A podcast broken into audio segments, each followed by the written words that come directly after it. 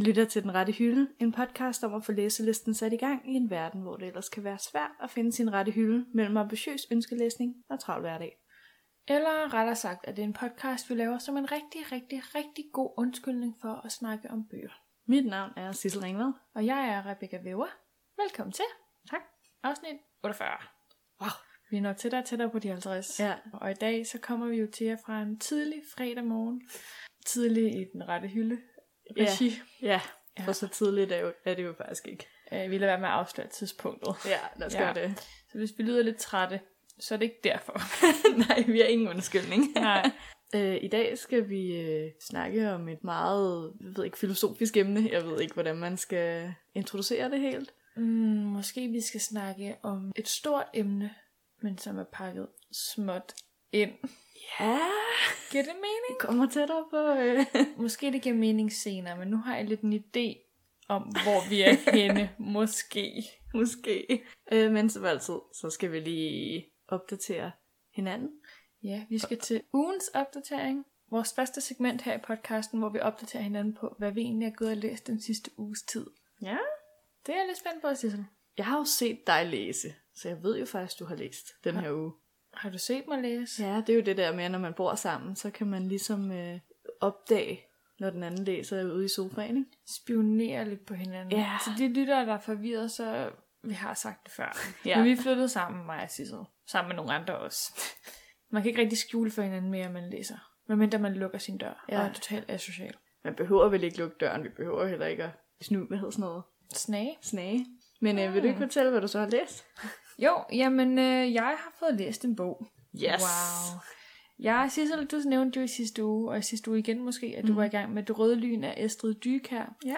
Som jo er en bog, vi har fået tilsendt fra byens forlag, som vi skulle anmelde, snakke om. Og jeg har jo været lidt bagud. Men det er jeg ikke mere, for nu er jeg blevet færdig med den. Var du bagud? Ja, Jeg var jo ikke gået i gang. Nå. Ja, du var to uger bagud. Mm. Ja, okay. Men jeg gik i gang i tirsdags, Ja. sådan fik læst 30 sider, og så læste jeg den færdig. Næste gang, du læste på den, eller hvad? Ja, Okay. Ja. så det, det var en hurtig bog. Øh, det er en børneroman. Skal vi ikke snakke mere om den senere? Jo. Det gør vi, men i hvert fald, jeg har fået læst en bog. Ja. Mm. Har du læst mere? Nej. Nej. Intentionerne har været der, men så er det som om, at jeg vil hellere lave alt muligt andet. ja. Vi har vist også fået set en del film, hvor man ellers kunne have læst. Ja, men jeg vil sige, øh, på baggrund af vores filmscening har jeg haft enormt meget lyst til både at læse Twilight igen og læse Hunger Games igen. Ja. Og så kan I lyttere derude jo gætte jer til, hvad vi har set af film. Ja. Åh, oh, det er godt. Ja. Øh, jeg har jo også rent faktisk øh, læst din bog Mm. den her uge. Hvad har du fået læst? Nu vil jeg sige, jeg har jo faktisk set dig ligge på sofaen. Vi, sad, vi lå begge to på hver vores sofa, jeg læste i Røde Lyn. Mm. Og du lå med dine høretelefoner på, og Ja. lyttede til lydbog. Og jeg spurgte dig, hvad lytter du til? Og du var sådan, det vil jeg ikke sige. Det er jo det smarte ved lydbøger, det er, at så kan jeg holde det hemmeligt, hvad jeg læser. Mm. For ellers er der jo ikke noget spænding i dag, vel? Ej, det er Nej. som om, at øh, vi skal lige øh, genoverveje øh, hele konceptet for podcasten. Ej, jeg synes, vi har gjort det godt indtil videre. Nå, hvad har du fået læst? Jeg har læst som lydbog i bogen Atomic Habits af James Clear. Hvad er det for en bog? Det er en bog, jeg har ventet lidt over tre måneder på at få gennem øh, Libby, eller E-regionen. Og så var det ligesom om, at øh, jeg ikke helt opdagede, at jeg endelig havde fået bogen. Mm. Øhm. Og så skulle du skynde dig med at læse Og så skulle jeg skynde mig med at læse den. den, for man kan jo kun låne den, er det i en måned? Nej, overhovedet ikke. Jeg, kunne To kun... uger? jeg havde otte dage. Åh oh, gud. Til dem, der ikke ved det, skal vi lige forklare, Ja. hvad Libby er igen? Jo. Vi burde jo næsten blive sponsoreret af dem, men det er vi ikke. Det er en, en app, hvor igennem man kan, med sit eget bibliotekslogin, kan man låne øh, engelske lydbøger og e-bøger. Yes. Meget smart. Kæmpe udvalg. Ja, man skal bare vente lidt tid på nogle af bøgerne. Ja. Og jeg skulle så vente rigtig lang tid på den her bog, og faktisk ville læse den længe. Og så er det lidt dumt, jeg ikke opdager, at jeg har fået den. er du blevet færdig med Nej, det er jeg nemlig ikke. Hvad handler den om? Den handler om... Eller hvilken genre er det? Det er sådan en, en bog om vaner, faglitterær. Gud. Dem har jeg læst mange af. Ja. Øh, Den minder lidt om den bog, jeg har læst af Charles Duhigg, som er The Power of Habits. Mm. Den var fantastisk. Og så den her, øh, han siger selv, James Clear, at han prøver ligesom at, øh, hvad hedder det, fortsætte Charles Duhiggs Okay, så han har faktisk taget inspiration fra Ja. Og så prøver han at give nogle meget step-by-step mm. måder at forbedre sine vaner. Og det er ikke bare vaner generelt, det er de små ting. Atomic. Uh. Okay. Uh, ej, det lyder meget spændende. Ja. Øh, jeg er nået 30% ind, så... Og den er lang. Kan jeg næsten gætte mig til. Nej, det er den faktisk ikke. Den stod, at den var måske 5-6 timer. Det er ikke så langt. det er ikke så galt. Nej, så jeg skal bare lige se, om jeg har flere dage af mit lån, fordi der er seks i kø.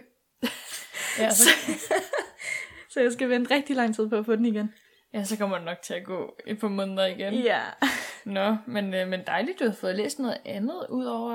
Øh, nej, du læste Rødlyn færdig Ja, sidste jeg uge. læste den færdig sidste uge. Til gengæld har jeg så læst noget andet af den her uge. Uh, det ved jeg godt, hvad er. Ja, det gør du nok. Igen uden at sige for meget, så øh, fik jeg fat i en bog, og det var Intet af Janne Teller. En bog, som Sissel har snakket rigtig, rigtig, rigtig meget om. Jeg tror lige siden vi startede podcasten, så har der været sådan... Uh, hvor gad jeg godt læse den bog igen. Ja, fordi det er jo en bog, som i hvert fald Rebecca og jeg, og sikkert også mange af jer lyttere, har læst i folkeskolen. Og øh, det er en bog, jeg rent faktisk husker fra folkeskolen, hvilket jo må betyde, at, at der er noget specielt ved den. Ja, jeg ved ikke, om jeg husker den, fordi at den var god, den var lidt frastødende, eller fordi jeg lavede et meget, meget udførligt referat af den i en analyse, kan jeg huske. Gjorde du det? Ja. Jeg kan slet ikke huske, hvad vi skulle med bogen. Jeg kan bare huske, at den var forfærdelig. Og jeg havde den. Og så tænkte jeg, det gør jeg nok ikke i dag, hvis jeg læser den nu. Og øh, jeg har læst den færdig. Mm. Mm, det var meget hurtigt, faktisk at læse den. Jeg blev meget fanget af den. Og den er øh, lige så forfærdelig, som jeg husker den. Men god. Altså, Okay, men til dem, der Ja. ikke ved, hvad den handler om, Ja. skal vi lige forklare det, inden vi smutter videre til næste segment. ja. Den handler jo om drengen Pierre Anton, Mm, som sidder op i et blommetræ, ikke? jo. Han proklamerer lige pludselig, intet giver mening mere. Og hans klassekammerater er sådan, at øh, Du lyver, det er ikke rigtigt. ja, det forstår vi ikke. Så nu finder vi ud af, eller nu finder vi alle de ting, der giver mening for os, ja. og samler dem i en stor bunke. Og så kan vi vise dem til ham. Og så kan han se, at alt Der er giver noget, mening. der er ja, en betydning. Præcis. Øhm, Og det bliver så mere og mere voldsomt, ikke? De Jo. ting, der giver mening for det, folk. det fra starter sandaler. meget mildt ud. Ja. Ja, fra sand... Hvorfor kan Ja. jeg huske det? ja, hvorfor kan du huske det? Jeg læste den i s- 8. klasse. Nå, men øh, Rebecca har ret. Øh, der er jo nogle sandaler Og fra sandaler, ikke? Og så er der sådan... Øhm, så, så er der en finger, Ja, det og kommer der er- lidt senere. en død lillebror, Ja, og en mødom. ja. Ja, Og øh, ja, en, øh, en hunds hoved. ja. Så den kan man jo lige læse, hvis man lige hygger. Hvis man lige vil vemmes et øjeblik og tænker, hmm, måske skal jeg ikke have børn alligevel. Øhm. Eller måske er der andre ting for mig, der giver mening. Ja. Ellers så er det bare korrekt, at øh, intet betyder noget, og der er ikke nogen mening med livet. Men betyder bogen noget? Uh. Sissel, er det, er det alt, hvad vi har i dag for øh, Opdatering. Ja. Ja. Lad os øh, springe lidt elegant videre til øh, dagens tema. Wow. Den rette hylde. Nå, Sissel. Dagens snak tager jo lidt afsæt og inspiration fra den bog, vi begge to har læst Ja. i den her uge, som jo er bogen Det Røde Lyn af Estrid Dykær, en børneroman. Jeg ved ikke med dig, men da jeg sad og læste den her bog, så tænkte jeg, hmm, jeg fik lidt associationer til andre bøger, jeg også havde læst. Mm. Og hele den måde, den var skrevet på, og den tematik, den behandlede. Ja. Så vi har jo aftalt, at i dag så skal det handle om små bøger med store historier. Ej, hvor er det smukt. Ja. Men skal vi ikke lige uh, først forklare, hvad uh, den her bog den handler om? Det synes jeg. Det røde lyn af Estrid Dykær. Den handler om pigen Vera, som lever et helt normalt liv, lige indtil at det ikke bliver normalt mere. Hendes far dør. Ja, meget, øh, hvad hedder sådan noget, Pludseligt. øh, makabert på en eller anden måde. Eller sådan, Ja, meget, øh, jeg vil bare sige pludseligt. Og meget voldsomt. ja, og voldsom oplevelse. Og det handler så om, at Vera ligesom skal komme igennem den her øh, sorg. Ja, og så igen ikke rigtigt, vel? Nej. Den handler måske, i hvert fald den måde, jeg opfatter mm. på, handler den måske mere om det der spørgsmål mellem, jo, hun er ked af det over sin far, og han er død, mm. men det handler også om at være, hun er, hvor gammel er hun? 12 år. Hun er i starten af sin teenageår, Ja, går i 7. klasse, og det handler det der om, sådan, må man godt være glad, selvom man er ked af det. Er det okay, at man er forelsket i klassens søde dreng, selvom at ens far er død, og man egentlig burde være ked af det over det, men de der forelskelsesfølelser bare ligesom overtager alt ind i ens krop? ja de er stærkere end, ja. end sorgen. Ja. Men ja, altså, det var også det, jeg ligesom lagde mærke til i bogen, at det var det, den egentlig handlede om. Og det kunne jeg godt lide. Nu ved jeg godt, at vi kommer måske lidt væk fra handling og sådan noget, men jeg kunne virkelig godt lide, at den snakkede om det her med, hvad hvis man ikke viser sorg? Så, altså, hvad hvis man ikke er helt nede Ja. over det? Fordi nogle gange, så kan jeg føle, at der er det her, den her forventning til, at man er ked af det i lang tid, og på en meget voldsom måde, hvis der sker noget forfærdeligt. Men sådan er det jo også i bogen med alle, altså alle de voksne. Jeg ved ikke, om vi går for meget ind i det, men alle de voksne, de er jo også sådan lidt, åh nej, hun følger ikke med i skolen, og åh nej, hun laver ikke sine ting, og hun Og går jo- stå op ved tavlen og alt muligt, men det er jo bare fordi, hun sidder og tænker på klassens søde dreng. Og de tror bare, at det er fordi, at hun er ked af det over sin far. Og det er det der med sådan, ah, er det så okay, at Mm. hun... En, det er slet ikke derfor, hun tør jo ikke at sige til nogen. Nej, fordi hun er jo teenager. Jamen, altså, det er jo også lidt sådan, hvad skal man sige til sin meget ked af det mor? Mor, jeg er faktisk lidt ked af det mere. Jeg vil egentlig bare godt snakke om ham her, fyren. Eller jeg er kun moderat ked af det. Ja, Ja. altså hun er bare kommet så lidt over det hurtigere, end andre tror, hun vil gøre det. Det er jo ikke, fordi hun ikke er ked af det. Nej, nej, altså der er også forskellige måder at vise sorg på. Ja, præcis. øhm, men det er i hvert fald det, bogen handler om. Ja. Og på sin vis er det en bog, som er skrevet, altså der står jo også på forsiden, det er en børneroman. Ja. Den er skrevet meget simpelt. Der er 147 sider. Den Det er går let- let læst. Ja, øhm, stor skrift. Ikke så meget på hver side. Små kapitler. Så den er rigtig nem at gå til, og den er skrevet i sådan et rigtig simpelt sprog. Der bliver ikke udpenslet detaljer eller noget. Det bliver mere bare sådan dum, dum, dum. Mm, som det skal være. Ja, men på en eller anden måde, så fungerer det bare rigtig godt, fordi det bare sådan lidt viser hendes hoved. Ja. Hvad der foregår inde i hendes, hendes hjerne. Og at hun ikke er den her øh, filosofiske 12-årige pige, men at hun bare er en helt almindelig 12-årig pige. Men det er også den der almindelighed, ikke? Jo. Det er også måske det, jeg blev allermest mærke i. Sådan det der med, at de var en almindelig familie, men Mm, altså, det er jo en almindelig familie i vores verden, skulle jeg til at sige. ja. Det synes jeg bare var fedt. Sådan storebroren er gamer. Snakker ikke med resten af familien. ja. Faren er pinlig.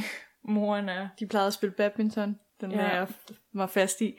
Det synes jeg faktisk var, øh, var derfor, jeg virkelig godt kunne lide at starte på den. Det var fordi, at de første, jeg ved ikke, fem sider eller sådan noget, der forklarer hun Vera om hendes helt normale liv. Og jeg har det bare sådan, det er mit liv, det der. eller sådan, det er min barndom. Skal, skal vi lige læse et lille citat højt op? Det kan vi godt. Jeg blev nemlig særligt mærke i det her citat. Vi var hverken tykke eller tynde, specielt høje eller særlig lave, og havde helt almindelige grågrumsede øjne. Far og Valdemar havde måske lidt mørkere hår, men til gengæld er mit og mors længere, og vi har fregner. Vi var bare en helt almindelig familie. Der er ikke noget særligt ved dem. Nej. Og det er måske meget nice, at man kan spejle sig i det. Ja, jeg tror også, at meget af det kommer fra forfatterens egen barndom, hvis jeg husker korrekt. Øh, Det kan du godt bilde mig ind. Jeg Ja. ved ikke noget. Også fordi øh, der er for mange ting, der er for relaterbare til, at der ikke, det ikke er sket i virkeligheden. Eller sådan de der små detaljer, ligesom jeg lige sagde med, at de spillede badminton. Eller sådan, det er bare sådan, så typisk en, for mig i hvert fald, familiehverdag, da jeg var Ja, det Yngre. var det ikke for mig. Nej, okay. Nej. jeg kunne relatere rigtig meget til de øh, normale sider. Ja. Nå, men den her bog, den tager i hvert fald et stort emne op, synes jeg. Ja. Det der med død. Ja. Når nogen dør, hvad gør man så af sig selv? Som ung og som, Barn. ja. Men også sådan, jeg synes også, man kunne relatere til det nu som 24-årig, jeg sidder og læste den. Men der var også alt det, altså moren havde jo også et øh, stort følelsesregister i, i den her bog, selvom hun slet ikke er hovedpersonen. Jeg beskrev meget simpelt, ikke? Men jeg forstod det godt. Men at det der med, at børnene, de ligesom, eller bare godt vil have, at moren har det godt, mm. eller sådan, men hun får det ikke rigtig så godt før. Spoiler. Spoiler! Efter et stykke tid. Nå, øhm, men den her tematik fik også jo til at tænke lidt, ikke? Mm. Kender de andre bøger, som har sådan et, et stort, Øh, en stor betydning. ja, som har en stor handling, selvom den er pakket småt ind, ja, skulle jeg til at sige. ja. Sissel, har du, har du nogle af de bøger? Altså, nu nævnte jeg jo intet Ja. tidligere, så den kan vi jo lige få på banen. Ja. Hvor at, øh, det er jo en meget filosofisk bog, Mm.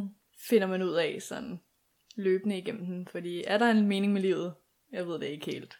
Der kommer aldrig nogen konklusion på det. Men er det ikke også en bog, der ender relativt sådan lidt tvetydigt? Jo. Og jeg forstår, det, sådan, det ender med, at hvad er det, byens presse eller sådan noget kommer hen til dem. Mm. Og så sælger de den der bunke af betydning. Og det betyder jo så, at den ikke betyder noget mere. for de har jo solgt den. Fordi at Pierre Anton ikke vil have noget med det at gøre. Ja, han vil, ikke, han vil ikke gå hen og kigge på den. Nej. Og han er sådan lidt, I har jo solgt den, så nu, er der jo ikke, nu har den jo ikke nogen betydning. Meget filosofisk bog. Og der kan jeg så undre mig nogle gange over, at, at børn må læse den bog. Men jeg tror altså, det er godt at læse nogle bøger nogle gange. Det er det fordi måske. den er jo, jeg husker intet som også at være relativt sådan pakket ind i et lidt let sprog. Altså Ja. der var også nogle meget ikoniske karakterer. Et meget nemt persongalleri. Ja.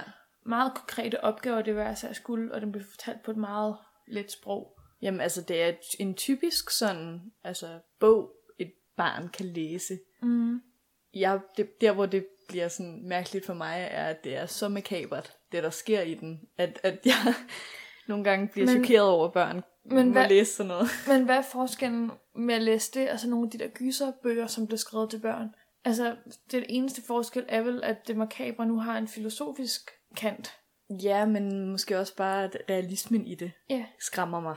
Men det tror jeg altså også er sundt og vigtigt at skrive. Jamen, det er det måske. Det er måske derfor. unge. Fordi alle folkeskoleelever nærmest har jo læst den her bog. Ja. Der må være en grund til det, og den er udgivet af et eller andet øh, Dansk Lærerforeningens forlag. Så der må være noget skolerelateret i den her bog. Jeg tror bare sådan, tror du ikke også, det er fordi, når man er går i skole, så skal man, altså man bliver også nødt til at blive udfordret. Jo. Vi skal jo ikke bare have det let. Vi kan jo ikke bare læse Skammerens datter. Det er der jo nogen, Ja. der gør. Jamen, jeg husker, jeg har læst virkelig mange af sådan nogle, øh, altså nogle bøger eller intet i folkeskolen, hvor Ja. jeg også sad og var sådan, skulle skrive en analyse. Jeg forstod ikke rigtig helt, hvad det var, jeg havde læst, men det fik mig alligevel til at tænke.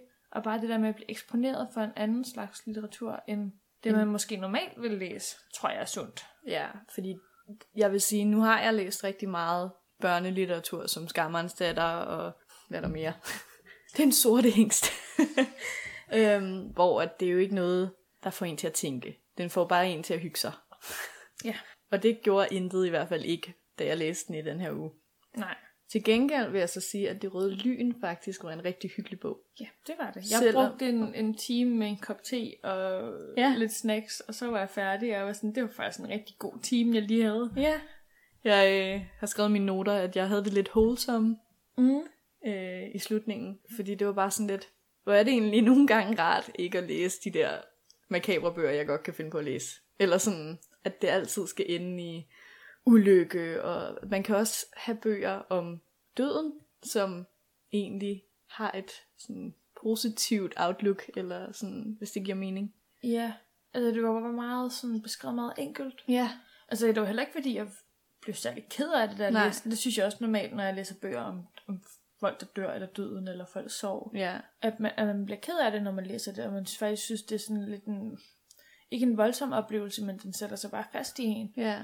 Her, det er jo også det, der er pointen med den. Det skal jo ikke handle om, om sorg, sorg Nej. over faren. Det handler jo bare med, måske mere om hende og hendes følelsesliv. Ja, lige Øhm, præcis. ja. Men det jeg så godt kunne lide ved bogen, Det Røde Lyn, det var, at øh, modsat, da jeg læste The Inexplicable Logic of My Life, hvad, hvad hedder det, af Benjamin Alida Sanchez. Sans, Sans. som også handlede om det der med øh, forældredød, der forstod jeg ikke, hvad pointen var i lang tid. Nej. Det var først halvdelen ind i, halvvejs ind i bogen, at jeg indså, at den handler om det sorg og at komme over død. Men med det røde lyn, der går den lige på hårdt, Mm. Og jeg forstår, hvad det er, pointen med den her bog er. Lige fra starten. Og det kunne jeg godt lide. Altså, Ja. at jeg skulle sidde og undre mig lidt, og er det bare en kærlighedsbog? Eller altså sådan, Mm. jeg forstod godt, hvad det bagvedliggende pointe var, selvom den måske handlede om Veras følelser. Men man kan så også sige, nu er der jo kun 147 sider i bogen, ikke? Jo. Det er jo heller ikke mange sider, man har gjort godt med i forhold Nej. til at beskrive det her, så det bliver jo også meget komprimeret på den der sådan fine, simple måde. Nogle gange er det lidt en kunst, ikke? At Jo. skulle begrænse sådan nogle store emner til så lidt ord. Så små ting. Ja. Nå, men det er måske også derfor, vi skulle snakke om små bøger med, med store historier, ikke? Øhm, og det var jo mig, der foreslog det. Ja. Men jeg må ærligt indrømme, jeg har haft lidt svært ved at finde nogle bøger, mm. hvor Mhm. jeg har tænkt sådan, hmm, så har jeg måske mere tænkt ud i, fordi det der med sådan korte bøger, har jeg læst noget, som er så kort og som er så stort. Mm. Jeg har måske mere været ude i sådan en folks tanker om, at noget er småt, Ja. som så egentlig er stort. Altså jeg tænker bare hele den her young adult bogsdebat, Ja. hvor alle folk er sådan, det er dårlig litteratur, det er simpel litteratur, det er for unge, det er ikke, altså sådan, det er småt. Mm. Men det er jo i princippet store historier, der sker i mange young adult bøger, som ligesom kan være med til at, at udvikle ens forståelse af verden, skulle jeg til at sige. Ja, altså give nogle, hvad hedder det, få en til at perspektivere lidt til nogle scenarier, man ikke selv lige tænker over i Ja, sin sådan- egen hverdag. Bare det der med at tage, det er også det, jeg har sagt, men det der med at tage unge seriøst. Ja, fordi de har det også hårdt. Ja, og det er jo det, det, er jo det ungdomsbøger kan, hvis de er skrevet godt. Og nu kan jeg jo ikke lade være med at tænke, at vi er hen i noget John Green. Jeg vil jo ikke nævne det. men muligvis. Men det er jo det, han er kendt for. Det er jo, at han laver de der lidt feel-good young adults, mm. som alligevel har en større mening. Altså jeg tænker sådan noget Fault in Our Stars. Ja, præcis. Den er jo, altså, den er jo, den er jo, det er jo bare en god historie. Ja, Men det er jo ikke bare en god historie, den er jo også større end det. lige præcis. Og Ja. det synes jeg, det gør han godt. Ja. Altså, om Tak, jeg så kan lide John Green eller ej, Tak så er det på det, mig han... og, og Johns vegne.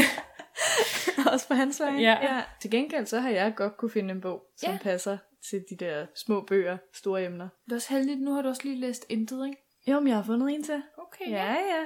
Jeg har nemlig A Monster Calls af Patrick Ness. Det var den, du har snakket om. Ja, jeg har snakket om den et par gange, fordi jeg synes, mm. det er en Mhm. fantastisk bog. Det er også en, øh, en børneroman, Ja. har jeg fundet af. Eller det, der stod. Men så igen, man skal også bare passe på med at give bøger labels, ikke? Mm. Og putte bøger ned i kasser. Jeg har lidt, lidt et problem med, at på forsiden af det røde lyn, så står der en børneroman. Ja, Det giver mig nogle, negativ aspekt. ja, nogle, ja, det, det, nogle dårlige konnotationer. Ja. eller sådan på en eller anden måde. Hvorfor kunne der ikke bare have stået, lad være med at stå børneroman på den forside? Mm, Altså jo, jeg kan godt se, at man godt vil signalere, at det er til børn. ja, Men det kan man gøre på andre måder ja, måske. for mig, som måske er lidt nogle gange hen i den der boldbane, hvor at jeg er sådan, åh, det skal ikke være for simpelt. Mm, Så trækker det lidt væk, fordi forsiden er virkelig flot. ja. Det er bare det der børneroman, der bare skuer i mine øjne. Også fordi, at, at vi jo tydeligvis godt har kunne læse den, selvom vi ikke er børn. Ja. Nå. A Monster Calls. Den er jo også øh, lidt læselig. Mm. Og den øh, handler om noget lidt fantasiagtigt. Det han, jeg har fortalt, det handler om det her tr- monstertræ, der kommer til drengen Connor og Ja. fortæller ham historier, så han lærer om livet. Og øh, egentlig handler bogen bag ved alle de her historier, træet fortæller, om Connor og hans mor, som er dødeligt syg, oh, gud. og om, at han bliver mobbet, og at han egentlig har et ret hårdt liv, men det bliver fortalt på en, hvad hedder sådan noget, en flot måde, fordi det er igennem det her fantasiverden, det ligesom bliver Mm. Ja. portrætteret igennem. Øh, så det er en anden måde at, at vise seriøse emner på, uden at man kommer til at sidde og stortude. Det gør jeg nok lidt alligevel, men øh, altså... Den er heller ikke, skulle jeg sige, den er heller ikke særlig stor på. Nej, men, og, altså, det er jo ligesom den, øh, Ja. det røde lyn. Altså, større der er den står ikke. ikke meget på hver side, Nej. du lige bladret i den. Den har til gengæld vundet en masse priser. Det kan jeg godt forstå. Ja. Men det er jo også det, der er fedt, når en forfatter formår at gøre det, ikke? Mm. Det er være med at skrive 700 sider og udpensle hver eneste detalje. Når man kan gøre det på mindre. Komprimer det. Find ud af, hvad kernen er i din historie. Ja. Så går det godt. Og så er det nemmere for os at læse. Præcis. Men det er jo også det der med sådan historier, ikke? Så er der jo en ting, hvad er sådan, altså formen. Mm. Er det en lille bog? Ja. Eller er det en lille historie? Ja. Jeg kommer også lige til at tænke på hurtigt. Sådan noget Harry Potter. Ej, jeg skal selv Ja. ja. til at sige det. Og men det starter jo bare ud Så småt Nu er- og så ja. enkelt. Altså nu er jeg jo også i gang med en genlæsning af Ja. alle bøgerne. Og sådan bare fra etteren til treeren er der jo bare en kæmpe forskel. Mm. Jeg er nået til treeren indtil videre. Ja. Øhm, når man bare det der med sådan, altså for hver bog breder det sig jo bare mere og mere ud. Det der univers bliver bare mere og mere og mere kompleks, indtil det til sidst handler sådan om en helt verdenssituation. Men fordi det kommer over så mange bøger, så lægger man ikke mærke til, at det åbner sig så stort. Nej. Det kan man godt lægge mærke til i øh, bøger som, øh, hvad hedder det, øh, med bøger som Divergent, hvor det åbner sig lidt for hurtigt op til sidst. Øh, jeg har ikke... Nå, Jeg har læst kun... Har jeg læst toeren? Måske jeg har læst toeren Allegiant, ikke? Insurgent. Insurgent og Ja. Allegiant er træeren. Ja, Nå, men den, den åbner sig for hurtigt op, og det bliver, irrit- altså, det bliver for voldsomt. Men Eller øh, The Maze Runner af James Dashner. Den åbner sig også alt for hurtigt op. Ja. Nå. Øhm, men ja, jeg har nemlig også skrevet mine noter. Øh, det kan godt være, at det bare fordi, jeg virkelig har lyst til at læse Harry Potter lige i øjeblikket, men jeg tænkte nemlig også, Harry mm. Potter starter som sådan en lille bitte historie om en dreng, der har det lidt hårdt hos hans plejefamilie, og så bliver en, en troldmand. Ja.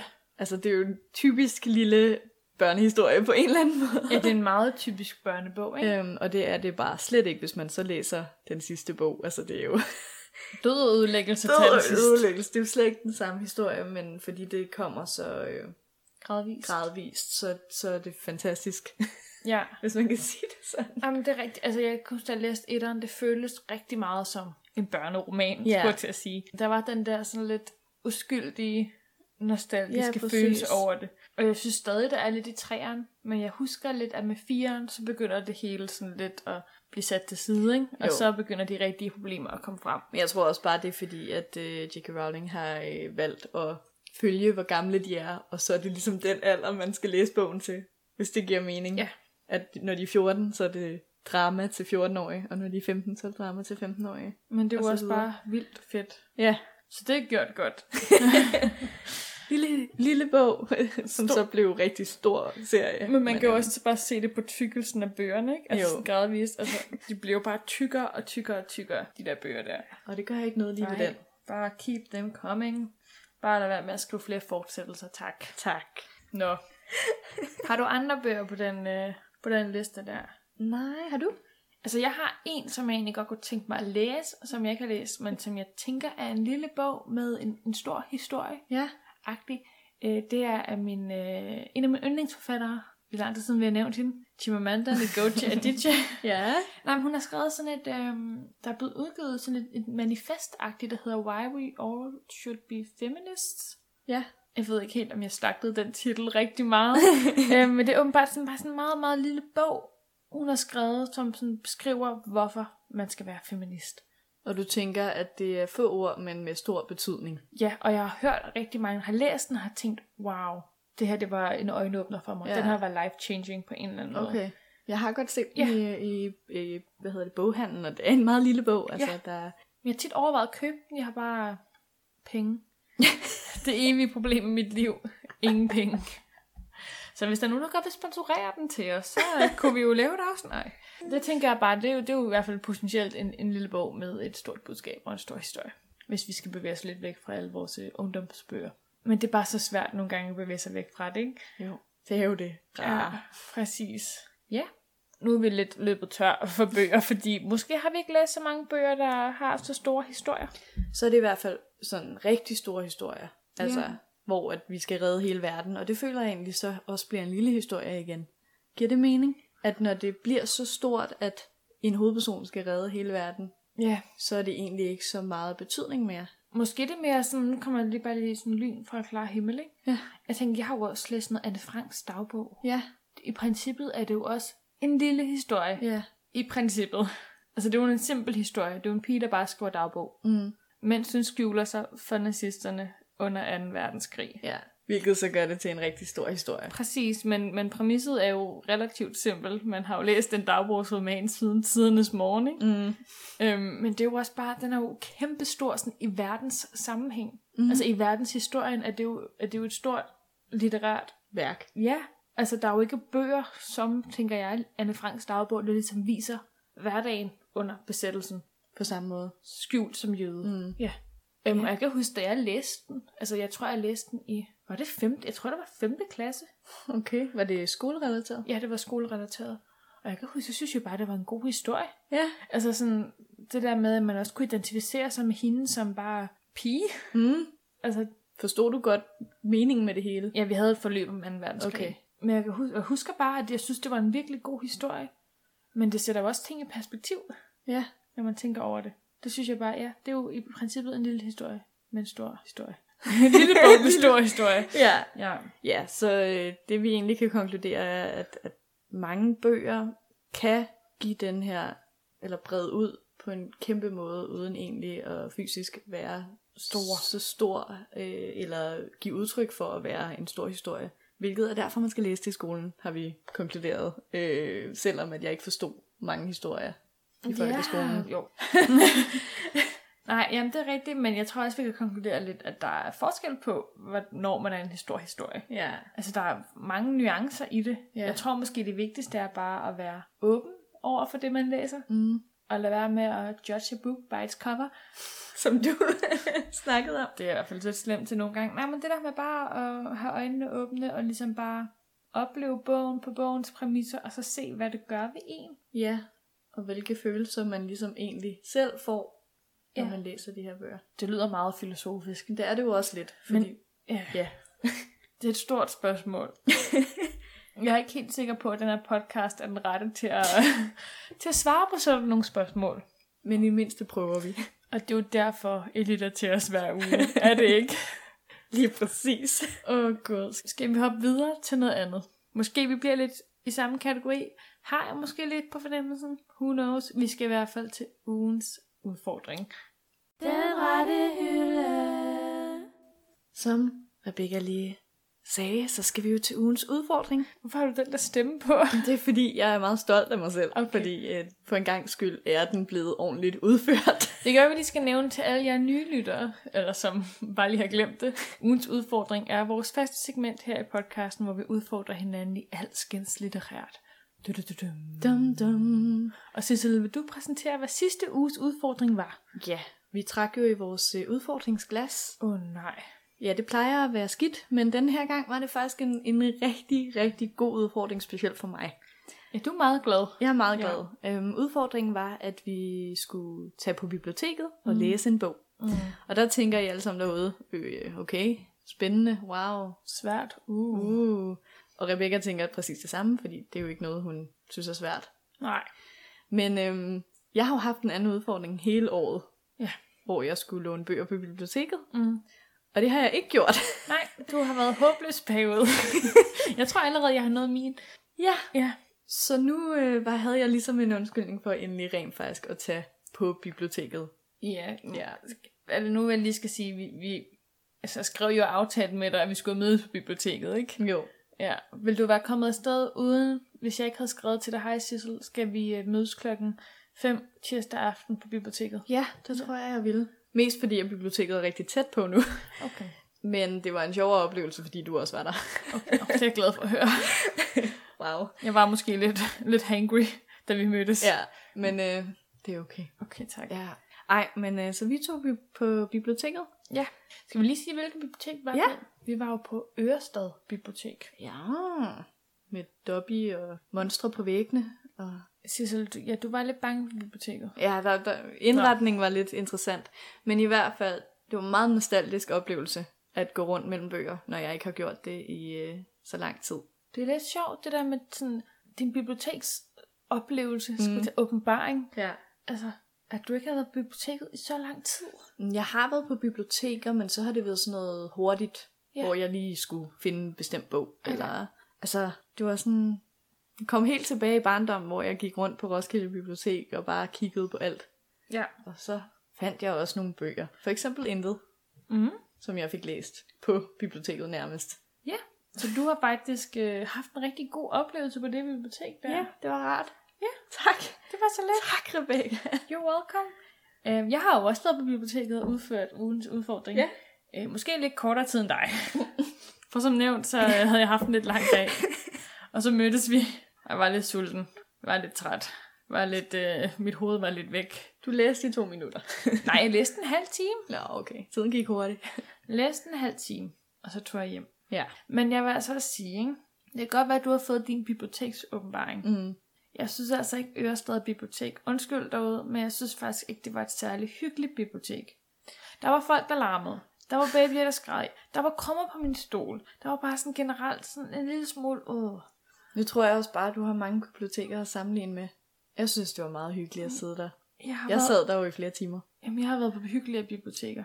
Jeg ved ikke, jeg synes bare, der var en eller anden sådan, der var ikke den der ro og fordybelse, jeg nogle gange Mm. søger, når jeg er på biblioteket. Ja, men det er også et bibliotek, der er lige ved siden af en skole. Ja. Øh, og det kan jo godt påvirke det lidt. Det er heller ikke jeg. særlig stort, så er der heller ikke særlig mange af de der kroge, Nej. hvor man kan sidde ned og slappe af. Og så var vi der også om aftenen, og det tror jeg altså også på en eller anden måde er lidt en, øh, en fejlkilde. Ja. At så kommer der bare mennesker ind, som er der for at være der. Eller for at hænge ud. Ja. Altså, jeg, jeg ved ikke, jeg kommer jo fra landet. Mm. og der havde jeg et bibliotek, der nogenlunde lignede det her. Så jeg tror bare, at det lidt passer til, hvad jeg altid har haft. Så jeg synes egentlig ikke, det var et problem. Ej. Der var lidt larm nogle gange, men det var ikke meget. Måske er det bare mig, der er kredsen. Du har været på rigtig mange biblioteker, så du kan ligesom sammenligne dem lidt, lidt bedre, ikke? Måske. Eller også er jeg bare kredsen, som sagt. Ja.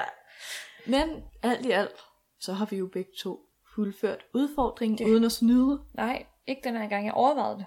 Gjorde du det? Ja. Ja, men du gjorde det ikke. Nej, det tænker jeg, det... øh, Heller ikke, når jeg tog dig hen, vel? Så var det lidt dumt, hvis du bare smuttede. Nej, men jeg havde lige overvejelsen om, øh, om jeg bare lige kunne sætte mig hen på mit øh, uni-bibliotek og sidde og læse. Det er jo også et bibliotek. Ja. Yeah. Men nej, jeg gjorde det ikke. Nej. Sissel, hvad betyder det her? Betyder det, at vi skal have en ny udfordring? Det gør det vel? Ja. Altså, jeg har en, Mm. baseret på, øh, at vi har været på Ørestad Bibliotek. Ja. Fordi Sissel, du griner. jeg fandt jo Ja. et papir, Mm. som er øh, noget øh, Ørestad og Solvang Bibliotek laver med øh, læsedyst med hele familien. Og Sissel og jeg, vi er jo en familie. Det er vi jo. Mm. Vi bor jo sammen, så nu er vi bare familie. Ja, en stor, glad familie. Og øh, jeg er ret sikker på, at vi ikke får lov til rent faktisk at deltage i øh, den her udfordring. Øhm, der er nogle regler, og jeg tror ikke, vi går ind under dem. Nej. Men jeg tænkte, der er 36 meget små udfordringer på det her Ja. papir. Jeg tænkte, at vi skulle prøve at krydse så mange fælles af i løbet af næste uge, som vi kan. Ja, spændende. Hmm? Lad os gøre det. Ja. Og det kan være, at vi lige skal lade være med at afsløre, hvad udfordringerne er, mm. men så får I dem næste uge. Hvis vi overhovedet fuldført nogen. Jeg mener, det har vi Jeg selvfølgelig. kan lige se på de papirer, du skrev, der er 36 udfordringer. Det er Ja. ret mange til syv dage. Ja, men vi er jo også to personer, der er må rigtigt. udføre dem. Vi skal ikke begge to udføre hver. Nej. Okay, jamen ja. jeg kan lige se ud af min øjenkrog, der står, læs mens I spiser is. Uh. Ja, nå, men det gør vi. Ja. Jeg giver hånd på det. ja, tak. Det var så let. Ja.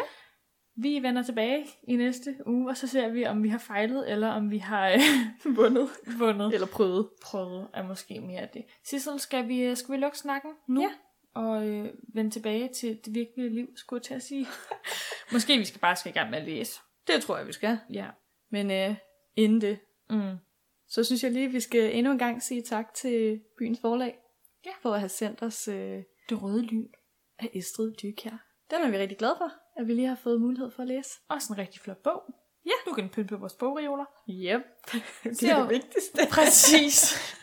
Derudover skal vi også lige huske at sige tak, fordi at I endnu en gang har lyttet med til et afsnit af Den Rette Hylde. Det er del med dejligt. Yes. Sissel, hvis man nu ikke har fået nok af at lytte til os mm. nu, så kan man jo finde alle vores andre 47 afsnit Plus lidt. plus ekstra på. iTunes. Og mens man er inde på iTunes, så er der en lille knap, der hedder abonner, og så kan man trykke på den. Og så er man altså en af de allerførste, der får at vide, hver gang vi har lagt et nyt afsnit ud. Derudover inde på iTunes, så kan man også give os en lille anmeldelse. Man kan give os nogle stjerner. Fem vil være dejligt. Ja. Og så ryger vi højere op i iTunes-hierarkiet. Og udover det kan man også lytte til vores afsnit på SoundCloud og Spotify. Yes. Hvis man nu rigtig gerne vil, vil se vores smukke ansigter, og måske eventuelt se den bog, vi har snakket om i det her afsnit, Mm. Det Røde Lyn, så kan man jo finde os på Instagram og på Facebook. Giv os et like, følg os, så dukker vi op i dit feed, når du mindst venter det. En gang om ugen eventuelt. Muligvis mere. Sissel, er der andet, vi lige husk, skal huske at sige på falderæbet? Læs nogle flere bøger. Læs, læs, læs. Lad være med at øh, dømme en bog på dens forside. Mm. Det tror jeg faktisk er dagens vigtigste lektion. Og Mm. hvis du har svært ved at læse, som jeg havde i mange uger, læs en børneroman. Jeg læser en børneroman og spatter ind på biblioteket. Yes, det virker, og du kommer i gang med læsningen igen. Præcis. Kan I have det rigtig godt derude? Igen, tak fordi I lytter med. Tak til alle gamle, nye og midt imellem. Vi ses.